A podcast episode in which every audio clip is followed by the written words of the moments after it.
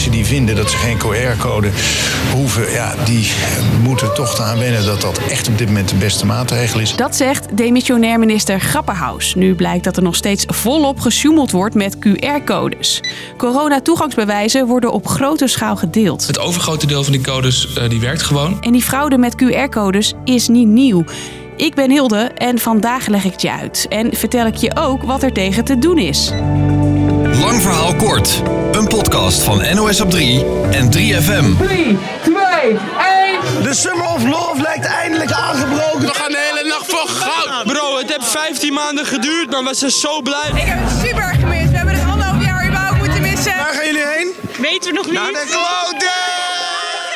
Eind juni kon je eindelijk weer dansen in de kroeg of discotheek. Met een QR-code mocht je de klapdeuren weer door richting de dansvloer.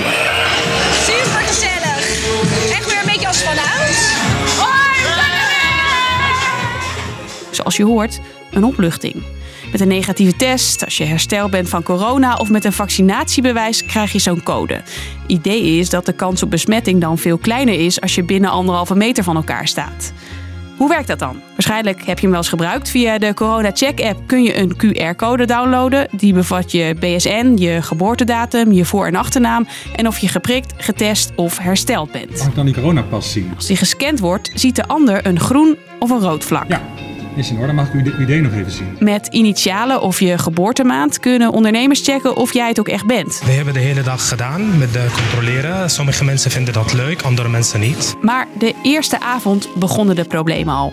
Door drukte en een hack konden mensen geen QR-code downloaden en werd er al gesjoemeld. Wij maken gewoon die screenshotjes. Ik heb eigenlijk de QR-code van een maatje van mij. Volgens demissionair minister De Jonge geen reden tot zorg. Niettemin denk ik dat er zoveel is goed gegaan dat het gewoon een prachtig weekend was voor heel veel mensen.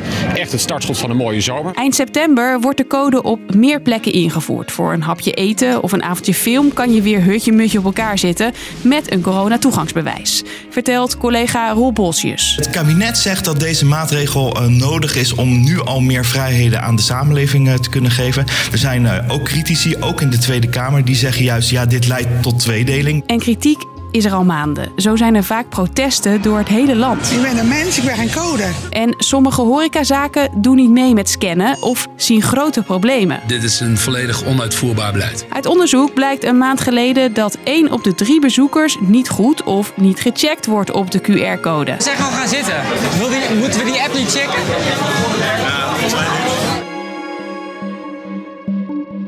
En nu blijkt dat er echt op grote schaal wordt gesjoemeld met die QR-codes. Verslaggever Joost Schellevis deed onderzoek. De populairste manier is eigenlijk het delen van andermans codes. Bijvoorbeeld via een kanaal op chat-app Telegram. Daarin worden kant-en-klare codes gemaakt in een soort corona-check-app die niet van echt te onderscheiden is. Zelfs het fietsje dat je ziet onder de code trapt rustig weg. De makers dus van dit appje hebben weer een nieuwe versie uitgegeven.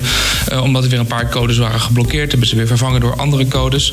In de meeste gevallen gaat het daarbij wel om buitenlandse codes. De codes gelden in heel Europa, zodat je ook kan reizen.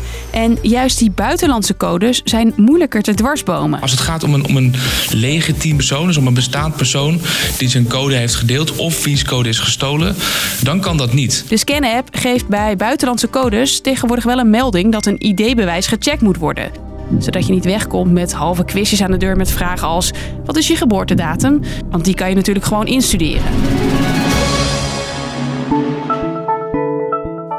Zoals je aan het begin ook hoorde, nepcodes gaan al langer rond. Ook in dat soort neppe corona-check-apps. Het ziet er ook echt net echt uit, dus ze zijn ook nog eens handig met computers. En een andere vorm van fraude is nog vernuftiger. GGD-personeel of huisartsassistenten omkopen voor een paar honderd euro om een vaccinatiebewijs aan te maken.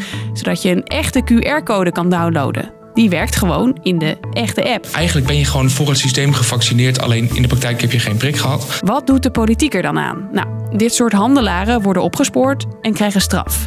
Het ministerie doet aangifte tegen nepsites met QR-codes en ze proberen codes te blokkeren als het mis is. Al gebeurt dat laatste, maar mondjesmaat, weet Joost. Er zijn 13 binnenlandse QR-codes geblokkeerd en 10 buitenlandse. En dat zijn er in totaal dus, dus 23. Maar ja, als je het ministerie uh, moet geloven, dan gaat dat binnenkort dus wel fors omhoog. En er komen extra controles om fraudeurs op te pakken. Demissionair minister Grappenhaus benadrukt nog maar eens... je kan de cel ingaan door zo'n neppe code. Er staat gewoon een maximale gevangenisstraf van vier jaar op fraude. En het is fraude. Dus, lang verhaal kort. Er wordt al maanden met QR-codes gesjoemeld. Nu blijkt dat het vaak met buitenlandse codes gebeurt... in niet van echt te onderscheiden namaak-apps. Voor de politiek moeilijk om dat aan te pakken. Die codes kunnen niet zomaar worden geblokkeerd.